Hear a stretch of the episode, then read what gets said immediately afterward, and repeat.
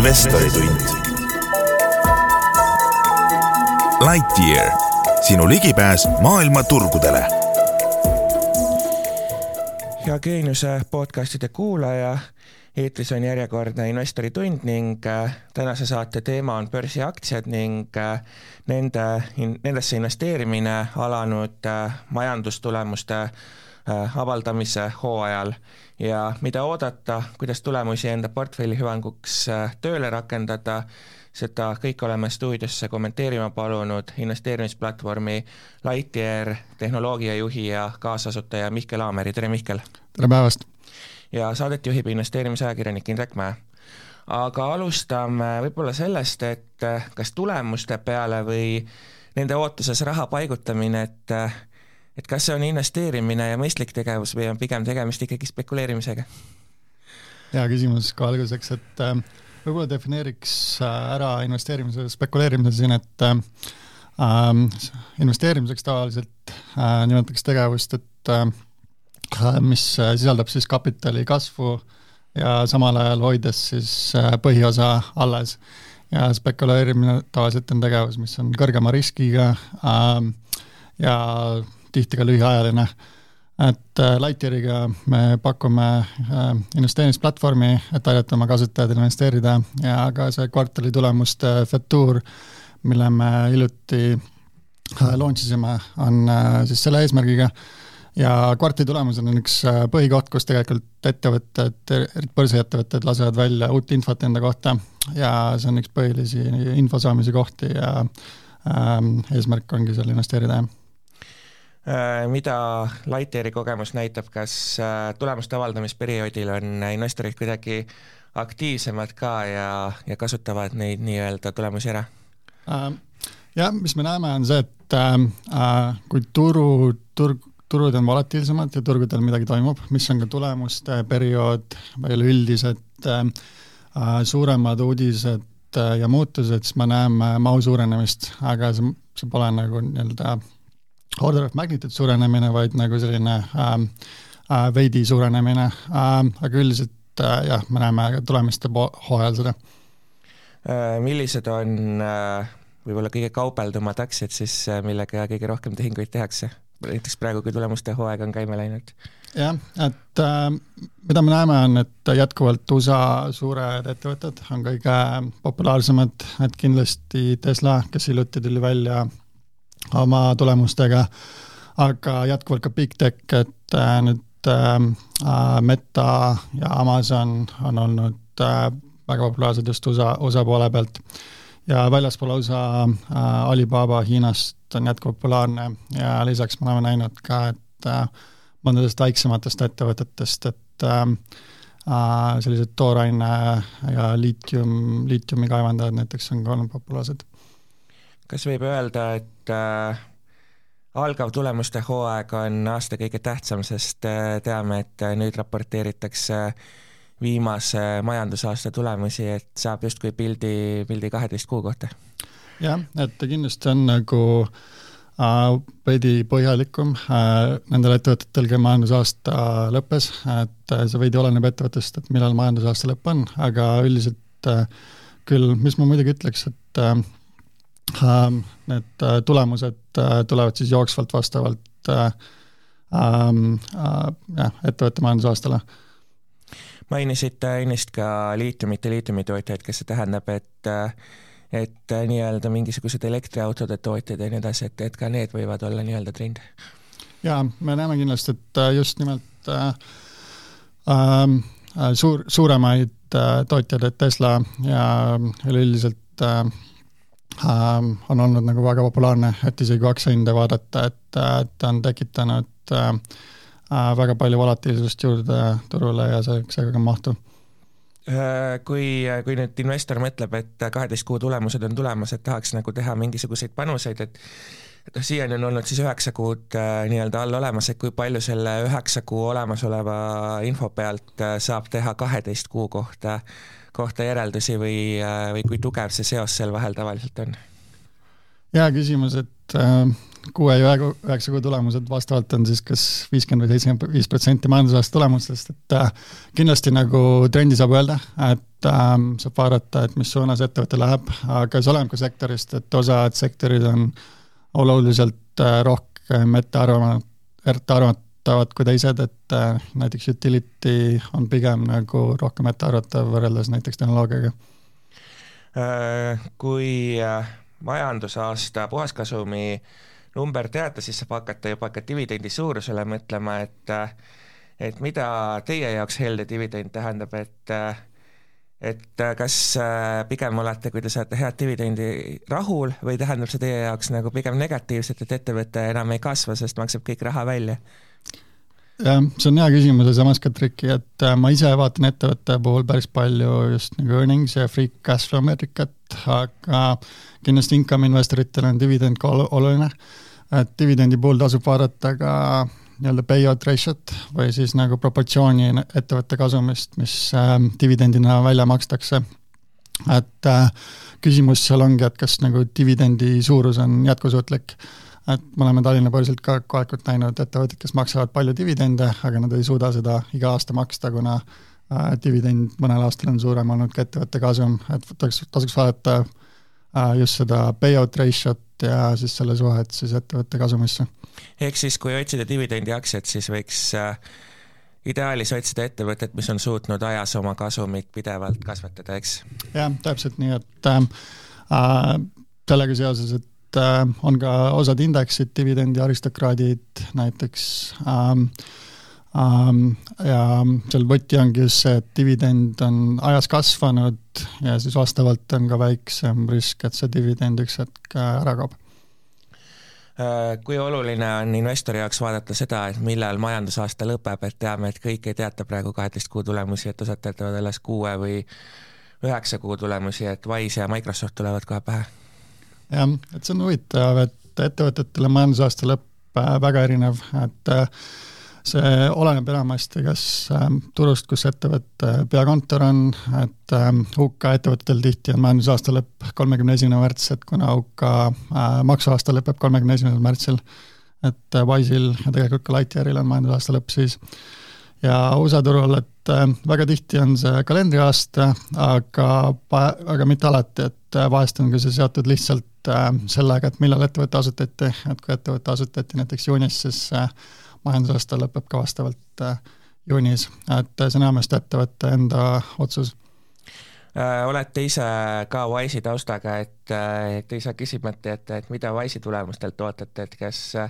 kas läheb järjest paremaks ja kas on oodata, et aktsia hakkab millalgi ka IPO tasemele tagasi jõudma? jah, et Wise tuli ka oma tulemustega välja hiljuti, et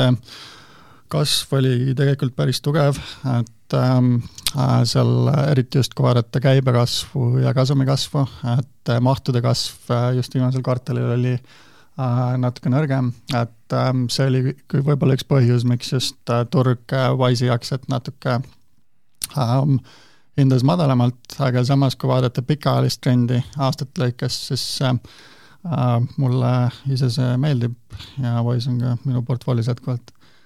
aga Wise liiga kallilt ei hinnastatud, kui ta börsile tuli ähm,? Hea küsimus, et Wise'i aktsia börsile minnes oli ka tegelikult üsna volatiilne, et ta esimesel päeval oli seal seitsme lõpus äh,, kaheksa ligi ja siis peale seda ähm, liikus üle kümne, isegi üheteist peale üks hetk, et äh, kui vaadata tehnoloogiasektorit tervikuna, siis ähm, see oli nagu sellel hetkel kooskõlas ka sellega, et kuidas tehnoloogia ettevõtteid hinnastati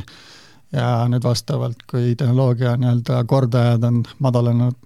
alanenud äh,, eriti just eelmise aasta teises pooles, siis ka äh, Wise'i äh,, Wise'i hind sai väikse korrektuuri äh,. majandustulemustest ja nende lugemisest veel rääkides, et äh, et äh, rääkisite sellest, kuidas dividendiaktsiate puhul on oluline vaadata siis äh, kasumi kasvu, aga aga üleüldiselt, et kui te majandustulemusi vaatate, et äh, mis siis veel need indikaatorid on, mis teie jaoks olulised on, et et on see, ma ei tea, analüütikute ootused, nende ületamine mm, -hmm. on see käibenumber, on see, on see veel midagi muud? jah et äh, see on üsna suur, suur küsimus, et see indikaatoreid on tegelikult palju ja oleneb veidi konkreetsest ettevõttest, et mida ma ise vaatan alati, mis on nagu nii-öelda väga high level meetrikud on B, B ratio, mis on nagu earnings, earning nagu ettevõtte tulemust, kasumi ja hinna suhe nii-öelda ja siis ka seda, et äh, kuidas see ajas muutunud on ja kasvanud on, et äh, see on kõige nagu fundamentaalsem nii-öelda valuatsioonimeetrik, kui nii öelda võib ähm,. aga viimasel ajal, mis on üsna tähtis ka intressitõusu puhul ja, ja üldiselt ka nagu ähm, raha nii-öelda hinna kallinemise puhul on ka igasugused kapitali efektiivsuse näitajad. et siin ma võib-olla tooks välja äh, enterprise value to EBITDA ja enterprise value to free cash flow ähm, meetrikud, et mis näitavad siis kogu epi-, ettevõtte kapitali efektiivsust. et kui võtta äh, ettevõtte kogu aktsiakapital pluss kogu võlg või laenud, mis ta võtnud on, mida siis kasutab igapäevaseks äh, äritegevuseks ja vaadata, et mis selle nagu tootlus kokku on. eriti keskkonnas, kus intressimäärad lähevad Äh, üles, siis äh, see näitab seda, et kui efektiivne ettevõte sellega on ja kui hästi ta intressimäärade tõusuga ka toime tuleb pangandussektor on mõnevõrra erinev, et kas pangandussektoris on, on samad meetrikud, mida vaadata? Jah, pangandussektoris ähm, ähm, finantsstatement'id on jah veidi teistsugused. Äh,, et äh, mis selle just teistsuguseks teeb, ongi see, et äh, pankade äritegevus on veidi teistsugune, et äh, nad võtavad avalikkuselt deposiite ja siis annavad laenu välja, mis tähendab ka seda, et nende bilansis on lisaks ettevõtte rahale ka kliendi raha ja siis seda tuleb veidi teistmoodi lugeda, et kui hinnata pankade bilanssi või siis cash flow statement'i, et siis tasub vaadata, et mis on seal reaalselt nagu ettevõtte enda equity capitali ratio'd, et äh,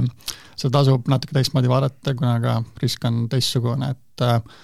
ähm, pankade puhul üks väga oluline määraja on see, et äh, nii-öelda hapude laenude osakaal või siis äh, see credit loss provisions, et äh, kui vaadata JP Morgani tulemusi, mis nad hiljuti välja tulid, siis see oli ka üks põhiasi, mida tegelikult nende tulemuste puhul vaadati. Äh, kuivõrd äh, peaks tänases tõusvas intressikeskkonnas või kui oluline see nende teistega võrreldes on, et mainisitegi sedasama laenukoormust, et et kui suur võimendus siis nii-öelda okei okay on um,? Kui rääkida pankadest, siis ähm, seal äh, võimendus peaks olema äh, selline, mis ületab äh, oluliselt kapitalikulu ja kapitalinõuded, et ähm, ähm, mis konkreetselt pankade puhul on veel oluline, on see return, return on equity määr, mis on siis omakapitali tootlus. et kui vaadata tervet äh, panga bilanssi nagu tervikuna, siis äh, ROE on nagu hea viis vaadata, et kui palju see äh, nii-öelda book value siis seal toodab mis see hea roe siis on, et kui ma mõtlen kas või näiteks Eesti pankade peale, siis LHV-l ligineb ta sinna kahekümne protsendi ümber, Coop Pangale natuke madalam ja nii edasi, et et mis see nii-öelda teid rahuldav roe siis oleks? jah, et see jah, ma arvan, et kakskümmend protsenti on tegelikult tugev, väga tugev, aga seal äh, oleneb ka veidi panga suurusest, et väiksematel pankadel eeldatakse, et see on veidi kõrgem ja siis suurematel pankadel, et kui võtame äh, Citibanki või sellised äh, megapangad, siis see tihti on madalam, kuna lihtsalt skaala on suurem, aga äh, selline viisteist kuni kakskümmend, kakskümmend protsenti vahemik on, on üsna hea. Äh, kui äh, nüüd rääkida natukene nii-öelda aktsia ostmise ajastamisest, et kui ettevõte avaldab äh, tugevad tulemused, siis see on ühest küljest märk investorile, et hea ettevõte tasub investeerida, aga teisest küljest see aktsia rallib juba niivõrd kiiresti eest ära, et et kuidas siis seda ostu ajastada, et kas tasub kohe minna heade tulemuste peale või, või pigem siis oodata, kuni see nii-öelda esimene eufooria möödas on ja taas natuke odavamalt saab? jah, hea küsimus, et ma arvan, et see on üleüldine küsimus, et millal on hea aeg osta ja millal on hea aeg müüa, et ma arvan, et hea viis seda vaadata on niimoodi, et arvutada enda jaoks välja, et mis selle ettevõtte väärtus olla võib, et ähm, ka, kas kasutades äh, äh discounted cash flow või PE meetodit või mõnda muud meetodit, et hin-, hinnanguline ettevõtte väärtus ja võrrelda seda äh, praeguse aktsiahinnaga või market cap'iga. Ja kui äh, ettevõtte väärtus äh, on suurem kui praegune aktsiahind äh,, siis ilmselgelt ei tasu osta, pigem tasub müüa, ja vastupidi, et äh, kui ettevõtte väärtus on väiksem kui aastahind, aktsiahind, siis pigem nagu tasuks osta, et äh, aga see on alati hinnanguline sama kehtib ilmselt ka vastupidi, et kui mõni ettevõte teeb äh, liiga nõrgad majandustulemused, aga selle ettevõtte väärtus tundub nagu nagu okei okay,, et siis, siis kasutada neid nõrkasid majandustulemusi ära ja saad nagu odavamalt. Jah, siin on ka oluline, mis on pikaajaline trend, et äh, ja kas see nõrkus on ajutine või püsiv, et äh, eriti Covidi, Covidi ajal me nägime tulemusi, mis olid äh, Äh, üks või kvart-, kaks kvartalit ajutised nõrkused ja taastusid hiljem. Ja samas me nägime ka ajutisi tugevusi, eriti võib-olla tehnoloogias vahest, et äh, olid üks või kaks äh, tugevat kvartalit, millele järgnesid nõrg-, nõrgemad kvartalid, et et see on nagu üks võtmekoht, et kas see nagu on püsiv ähm, tugevus või nõrkus, mis kestab aastaid ja just vaadates investeerimishorisonti ka, et see on nagu oluline just äh, analüüsida ja ära tabada. aga kuidas te saate aru, et see on äh, ajutine, see nõrkus, et no ma ei tea, Microsoft näiteks äh, ei, võib-olla ei hiilanud just praegu nagu oma tulemustega, et et kuidas te hindate, kas ajutine või, või pikaajaline? jah, nagu ähm, kui, kui vaadata nagu pikaajalist, siis me räägime praegu kolm kuni viis aastat et äh, siis tasukski vaadata neid kolme kuni viie aasta numbreid ja üldist suunda. ja siis kas, äh, kui vaadata nagu kolm kuni viis aastat minevikku ja kolm kuni viis aastat tulevikku, et kas siis tulevikku vaadates on toimunud mõni oluline muudatus ettevõtte äris või keskkonnas või konkurentsikeskkonnas, mis eeldaks, et äh, tuleviku trajektoor on hoopis teistsugune. et see on üks, üks viis, kuidas sellest mõelda, aga see on väga keeruline probleem, et äh, see probleem sisuliselt on, äh, on tuleviku ennustamine, mis on äh, definitsiooni järgi juba raske. millistelt ettevõtetelt te tänases majanduse makrokeskkonnas parimaid tulemusi ootate? Jah, et kui sektoritest vaadata, et äh, kui ma eelmine kord saates käisin, siis mainisin ka, et finants ja energia, et ma arvan, et need kaks on äh, jätkuvalt sektorid, mis on äh, üsna äh, Äh, nii-öelda kuumad hetkel, et äh, Exxon tuli hiljuti oma rekordtulemusega välja, et neil vist oli viiskümmend viis miljardit dollarit aasta kasum. et ähm, see oli ootamatult, äh, ootamatult suur ja finantsis on suured pangad, kes kindlasti saavad kasu hetkel intressimäärade tõusust, et JP Morgan tuli välja oma tulemust, et tulemustega näiteks, et äh, mis olid ka kasumi poolest äh, tugevad. Ehk siis äh, kõik USA suurpangad on ka Lighteri platvormi vahendusel ilusti kättesaadavad ja investor saab, saab neisse, ma saan aru, et kas või jupikaupa panustada, nii et, et ei pea tervet aktsiat ostma. jah, täpselt nii. Ja lisaks veel on ka sektoripõhised ETF-id olemas, et kui ei soovi osta laiapõhjalist nii-öelda world indeksit, siis on ka sektoripõhised ähm, Äh, finantssektori ETF-id ja energiasektori ETF-id näiteks. äh, tehnoloogiasektorist äh, natuke rääkides, et siin on tulnud järjest riburadamisi uudiseid, et et suurettevõtted koondavad inimesi, et Microsoft näiteks on sellest teatanud ja nii edasi, et Tesla on sellest teatanud, Twitter on sellest teatanud ja nii edasi ja nii edasi, et kas kärpeotsused on äh, Äh, investori vaatest pigem head või taas peavad nad hakkama muretsema, et kui inimesi jääb vähemaks, et siis ka ilmselt kasv pole nii kiire? Jah äh,, vastus siin, aus vastus on, et ma ei tea, aga kui vaadata Microsofti äri, siis äh, see äri on nii tohutult suur ja keeruline, et äh, äh see inimeste hulk, mis seal töötab, on väga suur. Äh,, et väga raske tegelikult öelda, et kas äh, kümme tuhat inimest, keda nüüd koondasid, et kas see oli tingitud, äh, kas see toob neile efektiivsust juurde või tulevikus võtab kasvu vähemaks, et ähm, Stanfordi ülikoolis oli kirjuti uuring selle kohta, et, et koondamine, koondamiste nagu mõjust ja seal väga palju just toodi välja, et teinekord koondamine on märk äh, mõnest teisest probleemist, mis ettevõttes on, et äh,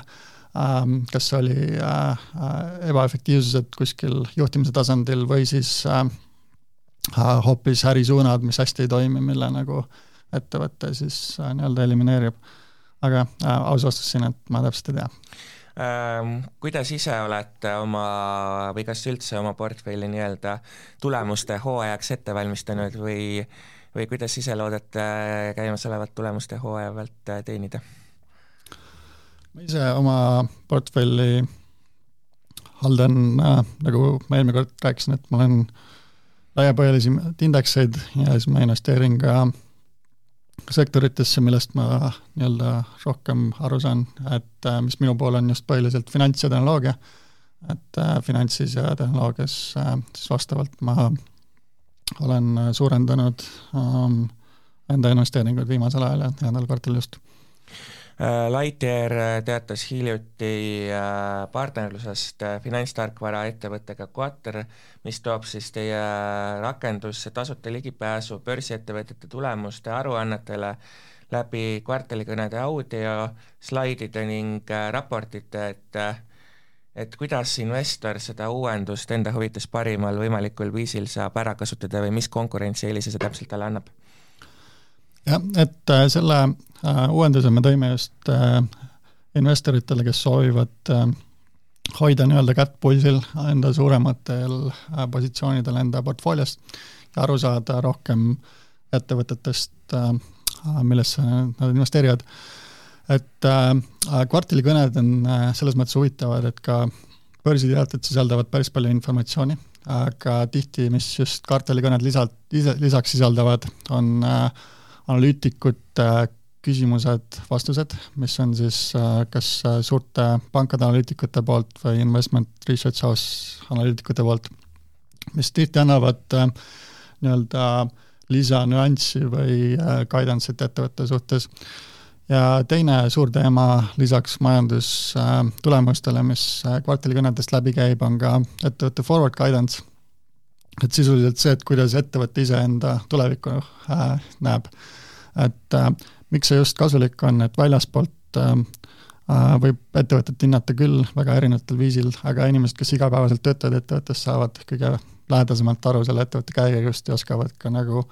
forward guidance'it anda, see ei ole küll kõikide ettevõtete puhul, et Google näiteks annab äh, vähem forward guidance'it kui teised ettevõtted, aga aga tihti sealt tuleb äh, huvitavaid asju ja väljavaadet välja äh, mainisite analüütikute küsimusi, et sisuliselt siis, kui kuulata, kuulata neid kõnesid, et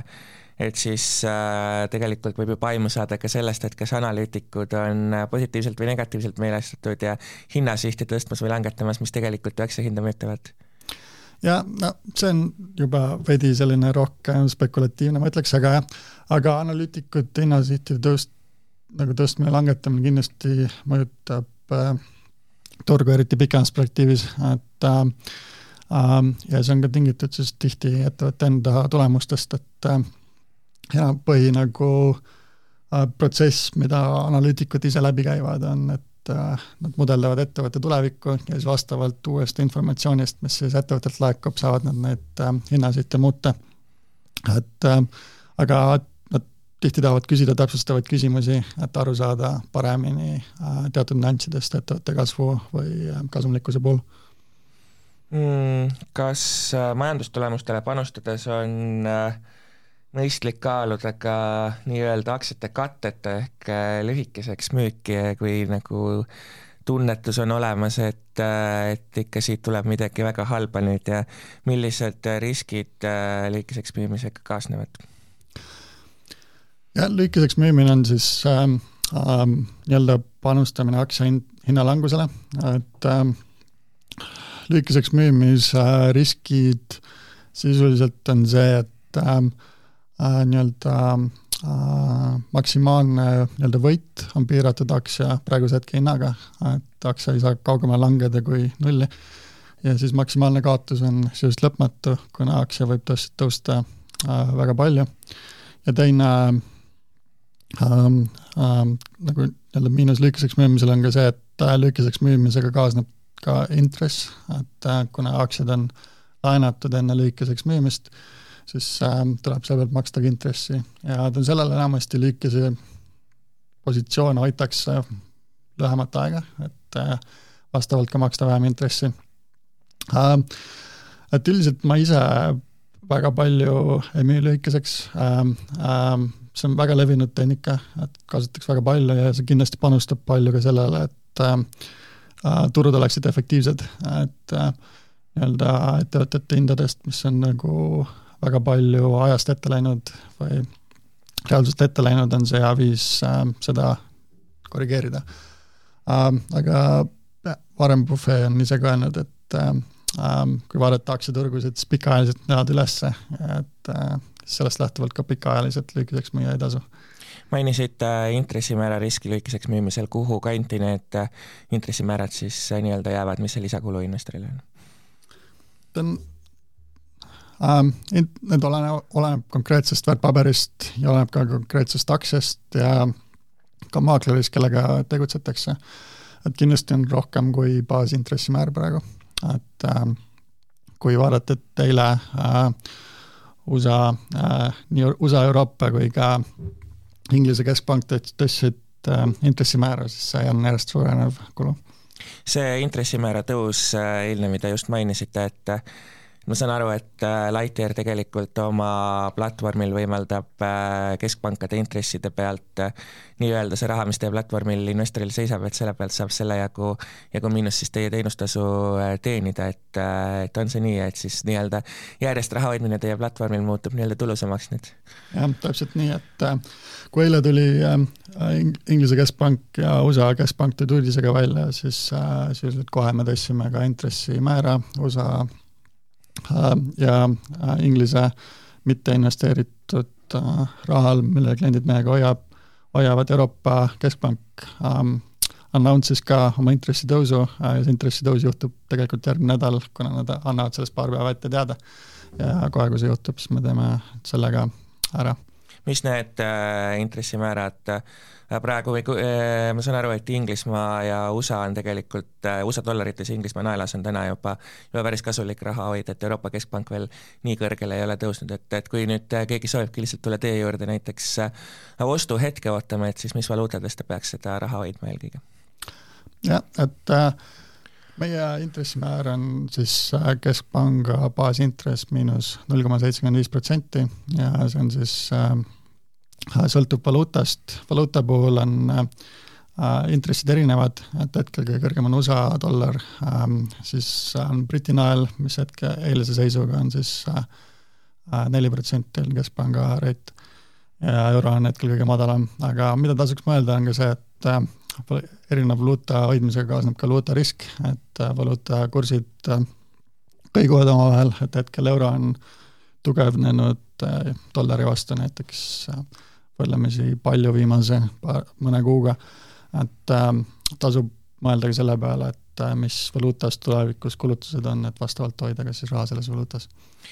sektoritest rääkisime, aga vaatame natuke ka geograafiliselt, et teame seda, et kui ühes äh, maailmajaos on majanduskriis, siis teises ei pruugi olla ja vastupidi, et et äh, USA-t USA-t on siin mainitud, aga geograafiliselt üleüldse, et mis need nii-öelda kõige potentsiaalikamad piirkonnad on, kuhu oma raha paigutada? jah, see on väga hea küsimus, et kui vaadata just geograafiliselt, siis täna hommikul vaadates PR, P-ratiosid äh, nii-öelda piirkonna kaupa, et see USA-l on see äh, circa üheksateist, mis siis sisuliselt tähendab, et vastavalt üheksateist aastaga ähm, siis teenid oma investeeringu tagasi või siis kahekordistada vastavalt oma investeeringu äh, Euroopas on see äh, circa viisteist hetkel ja arenevatel turgudel on ähm, üksteist. et kui äh, selle järgi vaadata, siis ähm, see on tegelikult võrdlemisi korrelatsioonis ka selle riskiga, mis kaasneb. et äh, USA turg on siis ajalooliselt olnud madalama riskiga ja arenevad turud on ajalooliselt kõrgema riskiga äh,. Mis veel on üsna huvitav, on tegelikult, kui ähm, vaadata majanduskasvu, siis eelmine aasta Euroopa majandus ähm, äh, kasvas kiiremini kui näiteks USA või Hiina majandus, et ähm, mis oli võrdlemisi ootamatu. Ja kui selle pinna pealt vaadata, siis äh, ma ise nagu äh, vaatan ka äh, siin Euroopa turgu ja, ja kohalikke investeeringuid suurematel Lääne-Euroopa turgudel. milline Euroopa börs või börsiindeks siis äh,, eriti kui te olete ka indeksiinvestor, et kõige atraktiivsem teile tundub äh,? Tegelikult äh,